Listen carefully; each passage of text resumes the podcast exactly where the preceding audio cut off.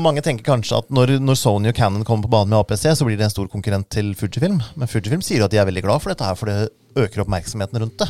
Og når Sony og Canon slutter å si at fullformat er det eneste som gjelder, så er jo det en fordel også for, for Fujifilm.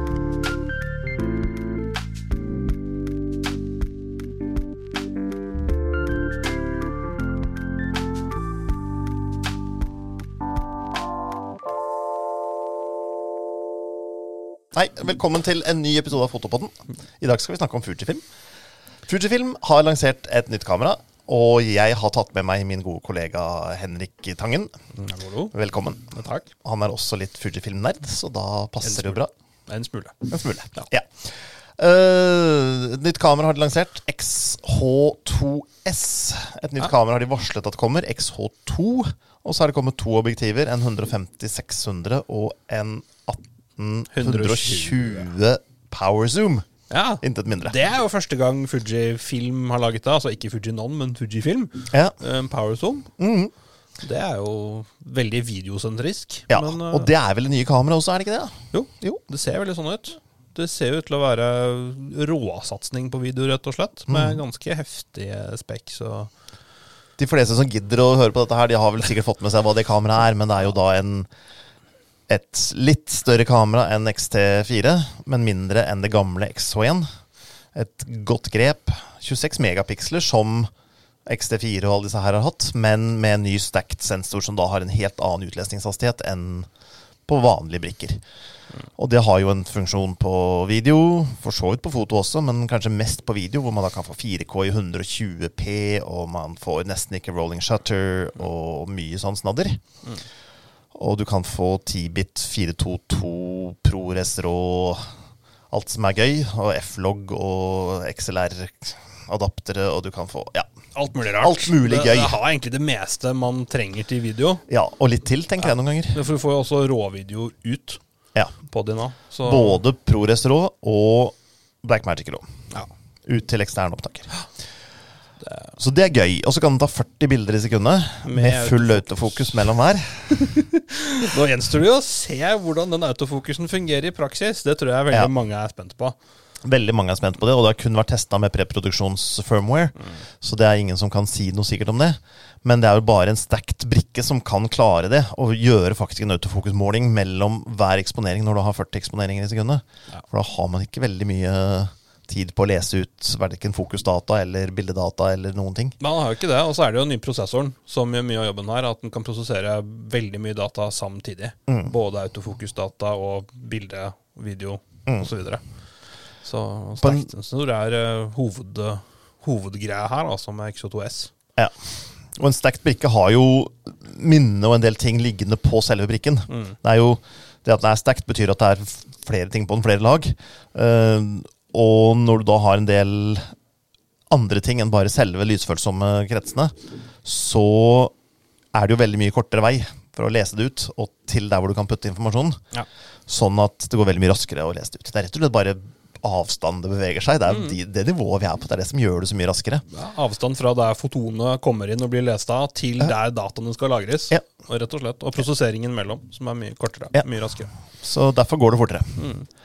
Men øh, hva betyr dette egentlig i praksis? Er, altså, ja, det er jo en annen viktig ting med det kameraet. Det har jo ikke de tradisjonelle Fujifilm-betjeningene. Nei, men det er vi jo litt kjent med fra før av. For Fujifilm har jo heller ikke den typen betjening på GFX 100S Nei. eller GFX 50S Mark 2. Eller ganske- XH1, vel? Nei, Jo ja, XH1. XH1, den har de tradisjonelle. Den har litt mer de tradisjonelle. Ja, riktig. Mm. Uh, men det virker jo som om det er et lite frieri til andre kunder som kanskje ikke er helt vant til Fujifilm eller Fujifilm-brukere i dag, men som ønsker den derre PSAM-modushjulet istedenfor de der tradisjonelle lukkertid- og blenderhjulene. Eh, Samtidig er det mye mer fleksibelt for video.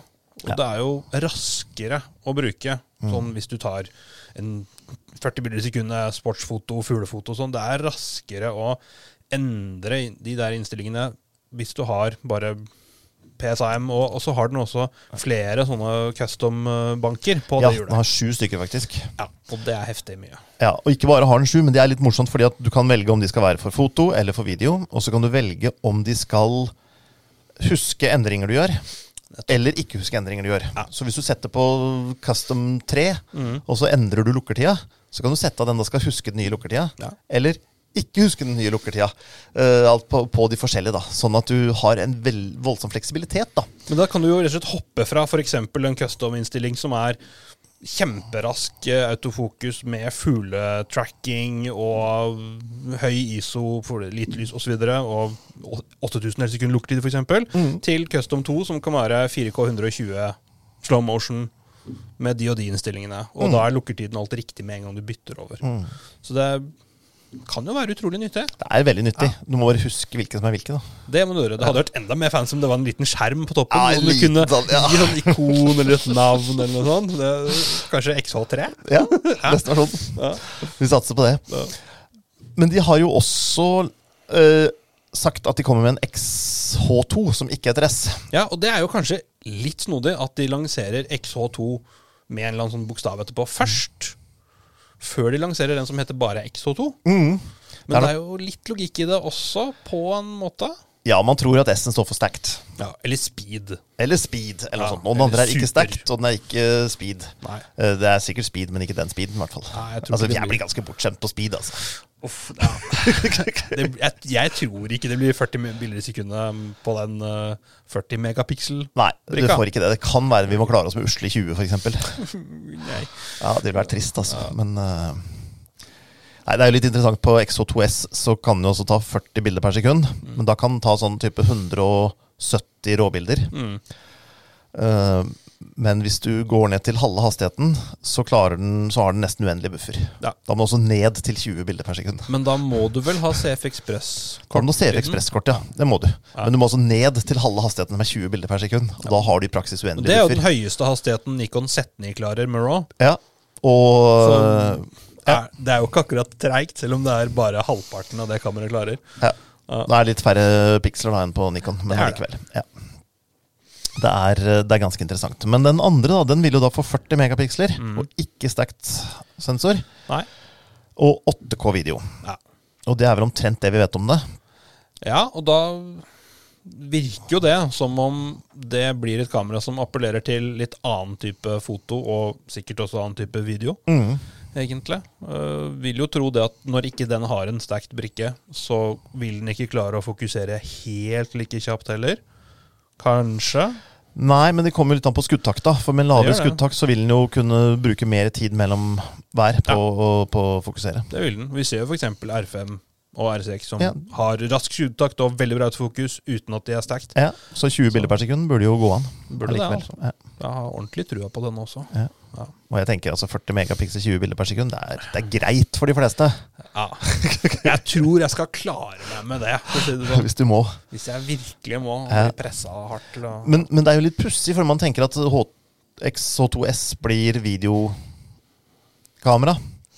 Mens den andre blir kanskje litt mer fotoretta, med 40 megapiksler osv. Men når du da putter inn 8K-video, så vil jo da videofolka få noe i den andre som Ja, det blir litt interessant å se hvor lenge den klarer 8K-video, og hva med overoppheting og sånn. Ja. Uh, vi så jo noe, noen som hadde testa overoppheting på XH2S, og det virket jo utrolig lovende. ja Særlig med den fiffige vifteløsninga de har. Ja, I tillegg til at man kan faktisk sette på en vifte. Ja. Kjøpe en vifte i tillegg. Men det virker jo som en relativt gjennomtenkt greie. Også Kameraet er jo designet med den viften uh, in mind, mm. rett og slett. Det er Og det er en liten kloss man skrur på. Du vipper ut skjermen, Mm. og den tomme plata bakpå, da, der, kan du, der er det en kontakt. Så kan du da skru på en liten vifte der. ja, Uh, og så har du noen innstillinger for hvor fort den skal gå. ja. Og, og da holder den lenger da, før den går varm. Men da kan du ikke vippe skjermen tilbake igjen. Det kan du Så det er jo litt sånn plundrete med den, men, men det er absolutt en eh, fiffig sak å, å ha mulighet for å sette på. Altså. Jeg tenker at det vil være aktuelt i en setting der hvor du har videostudio, rett og slett. Mm. Litt sånn som her, kanskje, bare hvor du kjører kameraene ganske hardt. Mm. Og eller det er veldig varmt, og de er litt sånn stasjonære og ikke blir flytta så fryktelig mye på. Mm. Da er jo det en lur løsning uh, når det er designet sånn fra bunnen av.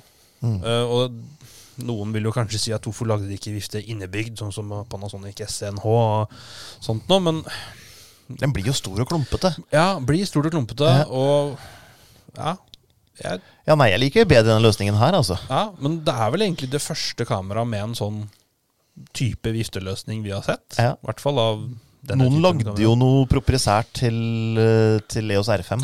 Ja, men det var jo en ettertanke fra en tredjepart. Den mm. hadde jo ikke en kontakt som Det var liksom ikke bare å skru den rett på, og så funka det. Og det var ikke noe kamerameny som justerte den, eller sånne ting. Ingenting. Det var jo bare ekstern drift via USB eller et eller annet sånt, tror jeg. Ja, noe Så det, og, det, og så var det jo ikke akkurat Kameraet var jo ikke termisk designet for å få ut varme akkurat på det punktet heller. Men det er jo XO2S-en, Det er den her. så ja, ja. det virker lovende. Men det er jo det er jo mye penger for et APC-kamera, vil jo kanskje mange si. 29.999 kroner og holdt på å si 90 øre. Ja, stopper stoppa vel på 90 kroner, men eh, Det vil si 30 000 kroner da, på norsk. 30 000 kroner. Og Ja. det er vel da det dyreste APC-kameraet etter at Canon og Nikon gikk over til fullformat på Pro-modellene sine. Mm, ja, i hvert fall sånn APC speilløs hybrid. Hvis ikke vi tenker sånn pro-video-ting. Ja, ja. Ja. Ja. Og så Super 35. Ja. Super 35 rene videokameraer finnes det jo dyrere av, men eh, av egentlig fotodesignede kameraer med videofunksjon, eventuelt uten videofunksjon, så har det vel ikke vært noe APC som var dyrere siden 1DX og Nei, Nikon tror ikke D23 som gikk ble fullformat etter tror hvert. det. Og det er jo mye penger, altså. Ja. Men det er jo spesifikasjoner som er mer å sammenligne med R3 og Z9 og Sony A1 enn andre APC-kameraer. ja, jeg vil jo påstå det, altså. Og gapet i bildekvalitet fra APC til fullformat Mm. syns jeg ofte blir overdrevet. Mm. Det er ikke nødvendigvis kjempestor forskjell der. Nei, jeg tror fortsatt det viktigste er den som holder kamera og bruker det. altså. Og så er det jo samtidig Optikken blir jo da mulig å designe litt mindre, kanskje litt rimeligere. Vanskelig å sammenligne direkte, egentlig, Mm. siden systemene er så forskjellige. Men øh, det ser Men- jo litt sånn ut. Men det er jo ikke mer enn en halvannen uke siden Cannon kom med noen interessante APC-modeller også. Nei? Eh, Og da har du jo en med 30 bilder per sekund og autofokusen til R5 R6 Mm. til 13 000 kroner mindre. Ja, det er nesten, hvis man er litt sånn røff, halve prisen. Mm. Ja. Uh, den har ikke like avansert videofunksjon. Nei. Men Canon EOS R7 har jo på en måte en allerede bevist autofokus. Ja. Fuji har mye å bevise på autofokus. Fuji har veldig mye å bevise på autofokus, og jeg tror det er det jeg i hvert fall er mest spent på, altså. Hvordan dette fungerer i praksis. For det, at, ok, folk har jo testet litt på internett, som du sa, men predproduksjon det, det kan vi egentlig ikke basere oss på i det hele tatt. Det er opp til Fuji å bevise hvordan bra dette funker. Altså. Og det er jo noe som kan utvikles videre og videre med firmware også, men det kan jo ikke være Altså, det må jo være bra nok når det blir sluppet i butikkene også. Ja, på et, et sånt kamera må det det. Det kan ikke være halvveis når vi får det i henda, produksjonseksemplar, og så sier de at det blir jo bedre firmware om to år. Det, det går jo ikke. Nei, det Så ikke det det er mye å bevise her. Da har det kameraet allerede Da er det ferdig, egentlig. ja, Det må funke med en gang. Men Fujifilm har jo alltid gjort sånn. Altså, jeg begynte som Fuji-bruker med XT1. Ja. Og både med XT2-1, XT2 og XT3 i hvert fall, så følte jeg at jeg fikk nytt kamera omtrent hver gang det kom en ny firmware. Ja. Og det er veldig hyggelig. Men hvis du kjøper det for å bruke til å ta bilde av fugler i flukt eller uh, ishockey i en dårlig opplyst hall, så bør det fungere fra den dagen du legger fra deg de 30 000 kronene i butikken. Altså. ja, det er jo et kamera som er designet for de mest kresne brukerne mm. også, med tanke på autofokus og skuddtakt og video. Ja. Så ja. Og det øyeblikket de begynner å sammenligne seg med R3 og Z9 og A1, så eh, forventer de jo også kanskje et publikum Ja. som har litt andre krav ja. enn noen som skal gå rundt og ta et gatefoto. Dermed Så- så blir det et ganske annerledes kamera for Fuji enn det vi har sett fra Fuji før. Dette Mm. er jo ikke noe gatefoto Og så kan jo selvfølgelig brukes til det òg, men Mm. det er jo ikke det primært det er. Absolutt ikke. Men tror du de kan få noen altså, profesjonelle brukere som skal bruke det til fugl og sport? Eller tror du de mangler for mye optikk og for mye serviceorganisasjon og for mye sånne ting? Ja, altså Jo, if, de har jo ikke noe servicenettverk på linje med liksom, NPS og CPS fra Nikon og Canon. Det, det har de jo ikke. Men det har jo heller ikke Olympus eller Sony i like stor grad som Nikon og Canon. i hvert fall. Så er det ikke så mange som bruker Olympus sånn heller. Nei. Det er en håndfull, men det er ikke sånn Nei, Veldig det- utbredt. Det er ikke veldig utbredt, nei. Eh, Jeg tror de har en jobb å gjøre med å bygge opp det. Hvis de nå, med dette kameraet her, viser de jo at de skal satse på den typen fotografer og videografer. Og da burde de samtidig begynne å bygge opp servicenettverket sitt på den måten òg. Mm. Det burde de. Men det burde de jo også gjøre med tanke på GFX og den typen studiofotografer. Ja, For der er det jo mange profesjonelle. det er det, For det altså. retter seg i mye større grad mot profesjonelle. Mm. Fordi det er bl.a. dyrt utstyr, og utstyr som gir en kvalitet som kanskje den vanlige mannen i gata ikke alltid vet å sette pris på. Ja, Selv om jeg syns han burde det. ja, jeg er helt enig. Men hva da med optikken? De lanserte jo nå 150-600, og den er blender 5,6 til 8. Ja. Og det Umiddelbart så har jeg sett det er mange som har reagert litt på det. At de syns Blende 8 er dårlig. Uh, på den andre side er den jo ganske liten og nett. Mm. Og hvis den er sylskarp på åpen blender, som jo da blir blender 8 i langenden, Mm. så syns jeg det virker som et veldig interessant objektiv. altså. Mm. Og vi, hvis autofokusen på XO2S er så bra som de skal ha det til, så vil jeg jo tro at det funker greit på Blender 8 også. Det gjør den garantert. Det skal ikke være noe problem i det hele tatt. Og mange tar jo bilder av noenlunde stillestående sittende ting. Mhm. Eh, Jeg skal på en tur i sommer og skal prøve å, ta et bilde av noen orangutanger. Mm. Det er ikke alltid man kommer så veldig nær. 600 mm hadde vært helt fantastisk. Blender 8 hadde ikke gjort noen ting. Nei. Men fugl i flukt, da vil du gjerne ha den ekstra, alt det ekstra lys du kan få. Ja. Og Sigma har jo to 150-600 objektiver. Mm. En contemporary og en sport. Ja. Sporten veier halvkilo mer. Ja. To tredjedels blender lysere. Um, og contemporary-versjonen veier 250 gram mer. Samme lysstyrke som sportversjonen, altså to tredjedels blender lysere. Mm. Og koster halvparten. Ja. Uh, så det blir jo en sånn en avveining her, selvfølgelig. Og så skal du ikke direkte sammenligne originaloptikk med tredjepartsoptikk. Og så skal du, kan du ikke gjøre sånn uten å teste den optiske kvaliteten osv. osv. Nei, og så er det ting som byggekvalitet, og også faktisk 150-600 til Fuji har også internzoom. Mm. eh, som egentlig kan være et poeng, eh, også med tanke på hvor tett den er i forhold til værtetting og sånt. Ja. Ikke noe eksternt som beveger på seg. Nei, og balansemessig så er det jo en fordel. Mm. Men vi, Sigma har jo begynt å lage objektiver med X-fatning. Så hvis de kommer med 150-600 Sport med X-fatning, Ja, så vil det bli en veldig, ja, Ja. veldig alvorlig konkurrent, tenker jeg. Absolutt. For såpass mye billigere og med større lysstyrke, Ja. så er det nok mange som ville gått den veien. Men så kommer det an på autofokushastigheten. Det er jo ikke sikkert at de matcher på autofokushastighet heller. Eller optisk kvalitet. Ja. Det er ikke sikkert. Og klarer ikke å følge den fuglen med autofokusen, så hjelper det ikke at lyset er, er nok. Gjør ikke det. Og de, både Sigmaen og Tamron er jo designet også for fullformat. Mm. Så de blir jo litt større og tyngre. Ja, men det, blir det er ikke mye ikke forskjell der. På det er teler så er det ikke store greiene. Det Altså. er ikke det. Det er ikke det. Så det gjør ikke så veldig mye. Men jeg tenker at hvis de skal rette seg mot proffene, så trenger de jo flere lange profesjonelle teler. Det eneste de har profesjonelle teler i dag, er vel 202, egentlig. Ja, 202 som fungerer eksepsjonelt bra med Ja, og 5040. Ja, Ja. og 5040. Men det blir jo sånn Det er noe imellom her, og noen faste lyssterke teler som Mm. mangler. Mm. Et par stykker, tenker jeg. altså En 404 kunne vi godt sett.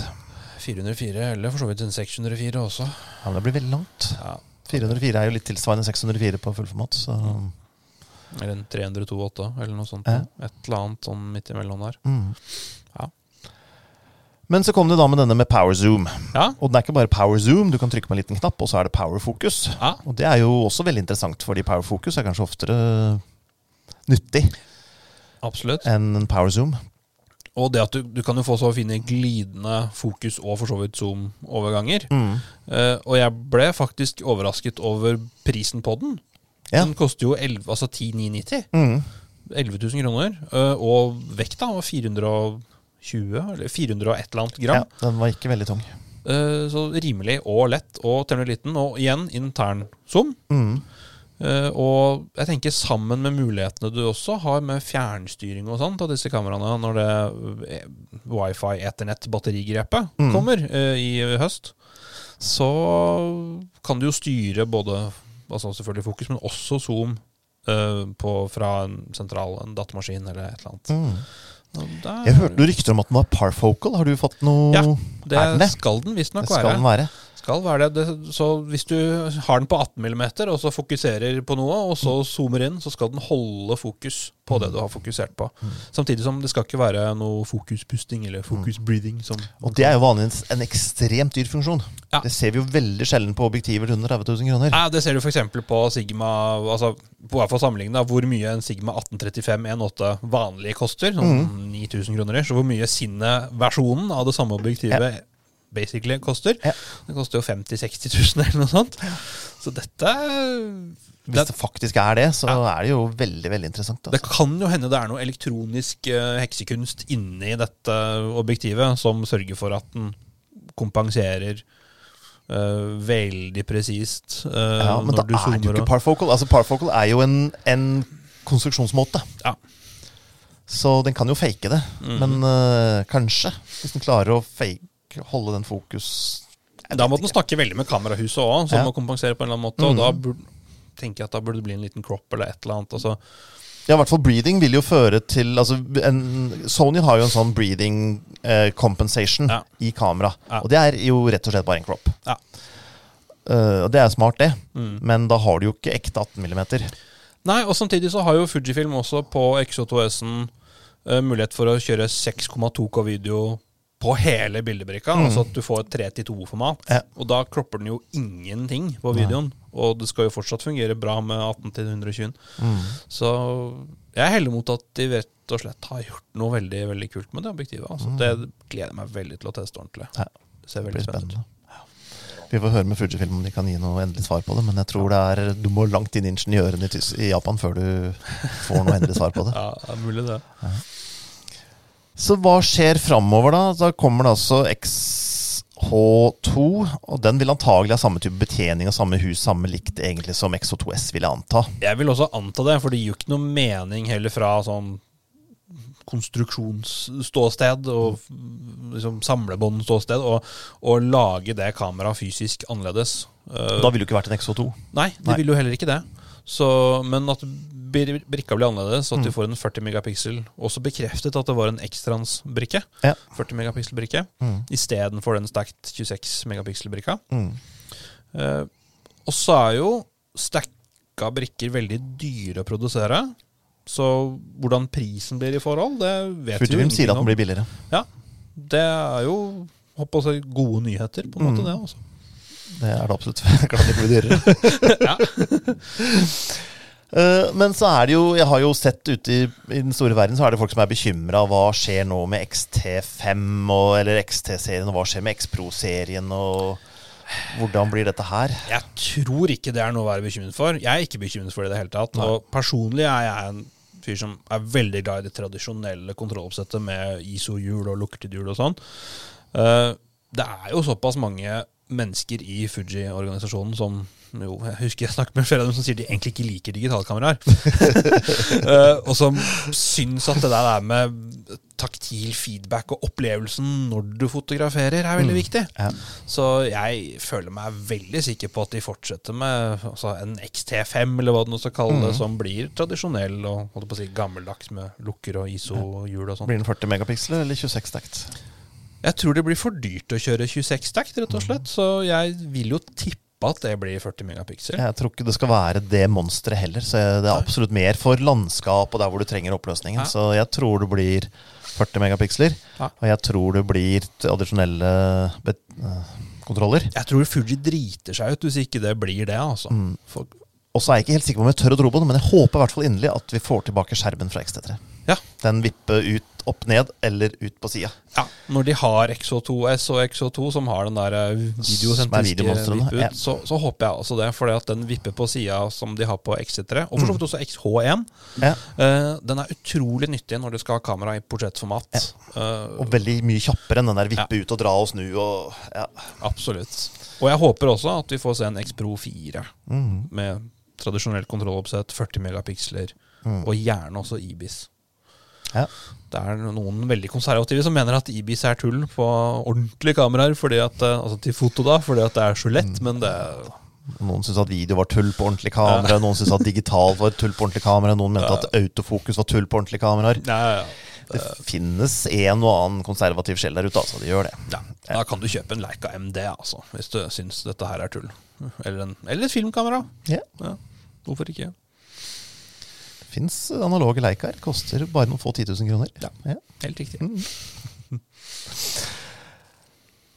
Yes, så vi tror XT kommer til å fortsette. X Pro. Men disse billige XT-ene, XT30, XT200 sånn er jo borte allerede, men XT30 Jeg tror de burde konsolidere litt der, for det har kanskje vært litt mye og ikke så store forskjeller. Jeg tror at XS10 har tatt plassen til XT30. For jeg tror de i den gruppa ikke nødvendigvis er ute etter de kontrollene. De tror jeg blir mer forvirra av de gamle Ja. typen kontrollere. Jeg har egentlig ikke tenkt så mye eller sett så mye på salgstallene på XT30. Eh, Jeg har et inntrykk av at det har gått temmelig greit, men XS10-en har jo også gått veldig greit. XS10 har jo vært veldig lett å selge. Ja. Fordi den er lett å forstå, den har et veldig godt grep. Mm. Den har bildestabilisatoren, og den koster ganske lite. Ja. Så den har vært, Og vi har vel nesten ikke solgt XT30 etter at eh, XS10 kom. Nei, jeg. tror nesten ikke vi har gjort Men så er jo XT30 en gammel modell nå, da. Samtidig så er den jo det. Så kommer det en XT40. Mhm. Tja, jeg blir ikke overrasket hvis det gjør det, men jeg blir heller ikke veldig overrasket hvis det ikke gjør det. Og at det kommer en XS20 eller hva de nå skal kalle det istedenfor. Mm. Det- Men jeg håper på en X Pro et, Nei, en X100 et eller annet. Hva Ja. de skal kalle den, da. X100X eller X100 VI, eller- et eller annet. Med 40 megapiksel. X, altså X100X. Det, blir, altså, det får være grenser hvor mange ekstra man skal putte i disse navnene. Høres tåpelig ut. Ja. Ja. Det, er, eh, det er kult med X i navnene, men ikke så mange X-er. Altså, det får- et sted må grensa gå. Nei, men de må komme med en X100. Det gjør de, vet du. Mm, Den har jo vært kjempesuksess. Ja. XT er kjempesuksess, X-Pro er kjempesuksess, og en sånn X-Pro var jo den første som kom med X-fatning. Mm. Ja. Så det er jo originalen, på en måte. Mm. Så de kan ikke ditche den. Nei, de kan ikke det. Nei. Men de, ble også, de oppdaterte jo også optikk-roadmappen, som det så fint heter på norsk. Ja. De fortalte jo om eh, tre nye objektiver i X-fatning som de holder på å jobbe med. Fortell. Det var jo en 56 mm 1.2 Mark 2, Mm. som vi jo regner med får litt sånn samme behandlingen som 23 mm 1.4 Mark 2, og uh, også den 33-en som på en måte erstatter, eller ikke erstatter, men er en moderne versjon av 35 mm 1.4. Mm. Uh, vi regner med at vi får værtetting og kjappere autofokus og disse tingene. Og sikkert også enda bedre optisk. Mm. Uh, det ser ut til å kunne bli et veldig spennende objektiv. Eh, og så var det også en 30 mm 2.8 makro. Ja. Typ sånn normal brennvidde, men med makro. Knøttliten og fin, og så ut som den, i hvert fall på den tegningen de viste frem på presentasjonen, kom til å passe veldig sånn fint inn sammen med de der små Fuji-kronene, som en del av oss kaller de. de 23 og 35 og 50 F2. uh, og så var det jo en snasen liten vidvinkel. 8, eller var det 8 eller 9? Det husker jeg ikke. Jeg tror det var 8 mm 3,5. Også så liten og nett. Mm. Interessante objektiver. De sa ikke noe nøyaktig om når de kom til å slippe dem, og viste jo ikke foto av dem og sånn, men det, de er nå offisielt in development. Mm. Det høres jo spennende ut. og Jeg liker jo korte makroer, for du får jo mer, mye mer miljø med. Ja. Så med mindre du skal ta bilde av noe som kan bite, Mm. eller er veldig lettskremt, Ja, så er det ganske kjekt med korte brennevidder på makro. det er det. Du får litt sånn kult perspektiv på ting. Mm. Så det skjer jo veldig mye på APS-C egentlig nå, da. Ja. Når vi har Fuji nå med masse, og Cannon også med masse. Mm. Men det har også kommet noen nyheter fra Sony. Ja, Sony kom jo med tre APS-objektiver i går. Var det i går? Ja, vi- uansett, Ja. dette her blir sendt seinere, så det er ikke så farlig. Men, øh, men de Veldig små. Eh, To av dem er i G-serien. Mm. Og G-serien, selv om de ikke er fullt på høyde med GM-serien, så er det jo høykvalitetsobjektiver. Og det finnes det jo egentlig bare ett av um, for APC fra Sony fra før. Mm. Så det er jo sånn sett virker som en satsing, da. Ja, det virker jo lovende. Og de var sånn 180-ish gram alle tre. Ja, 180 til 200 og lite grann. Hva var en vidvinkelzoom og Det var en 11 millimeter 1.8, mm. en 15 mm 1.4G Ja. og en 10 til 20 blender 4G. Så nyttige ting. Mm. Absolutt. Men Sony trenger kanskje gjøre noe med kameraene sine? Ja, altså dette er jo da tre øh, vid, øh, holdt på å si vidvinkler, egentlig, alle Mm. sammen. Som jo er små nett og tenk, Man tenker jo da i videobaner Mm. spesielt. Uh, og der Det er jo en stund siden det har skjedd fryktelig mye på APC-kamerafronten hos Sony. Mm. De begynner å bli litt holdt på å si, skal ikke si begynner å bli gamle, det, men ting går veldig fort nå. Ja, de gjør det. Og de har jo så fantastiske fullformatkameraer Ja. at det burde være veldig lett for dem å ta all den teknologien og bare putte på en mindre bildebrikke. Mm. Og siden alle, altså i hvert fall Fujifilm f.eks., kjøper brikkene sine fra Sony, så vet vi jo at de har anstendige brikker. Ja. ja, de har Så, og, og, og mange tenker kanskje at når, når Sony og Canon kommer på banen med APC, så blir det en stor konkurrent til Fujifilm. Men Fujifilm sier jo at de er veldig glad for dette her, for det øker oppmerksomheten rundt det. Mm. Og når Sony og Canon slutter å si at fullformat er det eneste som gjelder, så er jo det en fordel også for, for Fujifilm. Ja, det er jo det. Altså, generelt konkurranse er jo en fordel, spesielt for oss som skal bruke og kjøpe disse kameraene. Ja, Men ikke alltid fordi de skal konkurrere med Canon og Sony. Nei. Nei. det er også et poeng. ja. En ting som jeg er veldig nysgjerrig på fremover, for å hoppe tilbake til Cannon, mm. er kommer de med noe For de har jo to RFS-objektiver, da, som de kaller det nå. Mm. eh, som er to zoomer. Mm. Sånn 18 til 45 mm 355-6 og 18 til 150 mm med Mm. samblender. Det jeg er nysgjerrig på, er om de kommer til å komme med noe holdt jeg på å si, litt mer spennende RFS-objektiver. Jeg har anbefalt dem en 15-45 28L. Ja. Og så sier de ja, men den blir stor og tung og vil koste mye penger. Ja, sier jeg da. Ja. so, men altså, jeg snakket faktisk med en kunde i dag mm. som også var sånn etterlyste Ok, jo, men en eller annen normal objektiv, normal zoom med bra lysstyrke til R7, Mm. som han har tenkt å bestille. Hva, hva skal han gjøre da? Da har ikke Cannon så veldig mye å by på enda. EFS 1755-28 med Ja, adapter. med adapter. Eh. Og jo da, det går an, men det objektivet, det er Det er fra den gang Ålesund brant også, altså. Ja, Ja. det er gammelt. Altså, det objektivet husker jo hundreårskrigen omtrent. Ja. Ja. uh, når kunder kommer inn i butikken og vil kjøpe Canon APC eller Nikon eller Sony for den saks skyld, Mm. så pleier jeg enten å anbefale dem å gå opp til fullformat eller å gå til Fujifilm. Ja. Fordi satsingen de gjør på optikk, er såpass svak. Ja. Og skal du, så sier man ja, men du kan jo bruke fullformatobjektivene. Ja, men hvis du tar med deg et par fullformatobjektiver, så er det ikke noe å spare på et mindre kamerahus. Nei, og hvis du skal ha en normalzoom, Ja. så fins jo ikke det. Nei, det gjør ikke altså, Okay, jo, Sony har en bra lyssterk normalzoom, men Ja. Canon har ikke det. Nei. Og Nikon har heller ikke det til APC. Nei. Så da blir man litt sånn og, og det er gjerne et objektiv man vil ha. Ja. Så det blir jo som om innstegsmodellene til Canon, Sony og Nikon blir APC. mm. Men så, hvis man skal ha et ordentlig kamera med ordentlig optikk, så må man oppgradere til fullformat. Mm. Og det har du jo ikke på Fuji i det hele tatt. Der har du jo for så vidt et helt annet system som er enda større. så- Ja, du har mellomfat, men du kan ikke oppgradere til det, for Nei, det er ikke noen det er ikke objektiver som går om hverandre. eller noe Nei, sånt. Men nei, Canon har jo noen greie fastobjektiver. 16 mm 2.8, 35 1.8 og 50 1.8. De Ja. funker jo veldig bra på APC. Ja, og de er små og lette, Ja. og veldig veldig gode, og ikke så fryktelig dyre heller. Mm. Faktisk veldig rimelige. Og du får jo en bildevinkel Mm. som er veldig brukbar. Ja, ja. I motsetning til hvis du setter på en 24-70-28 ja. på et APC-kamera. For det kost, betaler du 30 000 kroner, og så er det så trangt at du ja. Nesten normalt til Ja, en del tele, Ja. istedenfor vidvinkel til litt tele. Ja. Ja. det, det blir så feil. Ja, det blir det. Så der trenger du å gjøre noe. Men ja, nå kom jeg på det jeg skulle snakke om. Tilbake til Fujifilm. Mm. Jeg vet at Sony har lansert en APC-brikke med ekte 16-bits-farger. Mm. Og 16-bits-farger har jo Fujifilm på uh, GFX 100 og GFX 100S. Ja. Og de filene jeg har sett derfra, de er altså så fantastiske. Ja. Jeg har lånt de kameraene noen ganger og brukt dem. Og det er bare helt utrolig. Og jeg vet, altså selvfølgelig Noe av det er jo pga. den store brikken, og noe av det er pga. 100 megapiksler. Ja. Men det å kunne dra i slidere, og ingenting sprekker opp noen gang Nei, jeg har også brukt GFX-ene en hel del. Ja. Og de 16-bit-fargene, det, det er noe spesielt Ganske med det. deilig. Ja. Tror du det kommer til eh, et X-kamera nær deg? Jeg håper virkelig det. Men det med 16-bit-farger er jo også et kompromiss når du skal ha utlesningshastighet og Ja, det blir ikke skuddtakt, skuddtakt eh, hvis man ikke bare kan skru det ned til 14 eller 12 når man trenger det. Det fins jo triksemetoder å, å bruke der, men samtidig så er det det med ekstraen som krever mer prosessorkraft. Mm. Um, Tja, jeg håper virkelig at det kommer. Fordi at det er gjerne noe jeg skulle sett i X-systemet. Um, men det Mellomformatkameraene har jo ikke ekstrans. Nei. Så vi har jo ikke sett 16-bit på ekstrans noen gang. Det har vi ikke. Men øh, jeg har veldig lyst på det. Ja.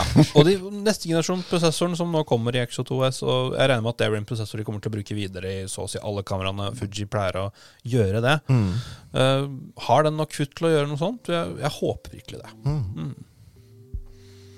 Skal vi si at den Det var the punchline? Ja, Ja. vi sier det. ja. Takk for at dere så på. Vi ses neste gang. Yes. Ha det godt.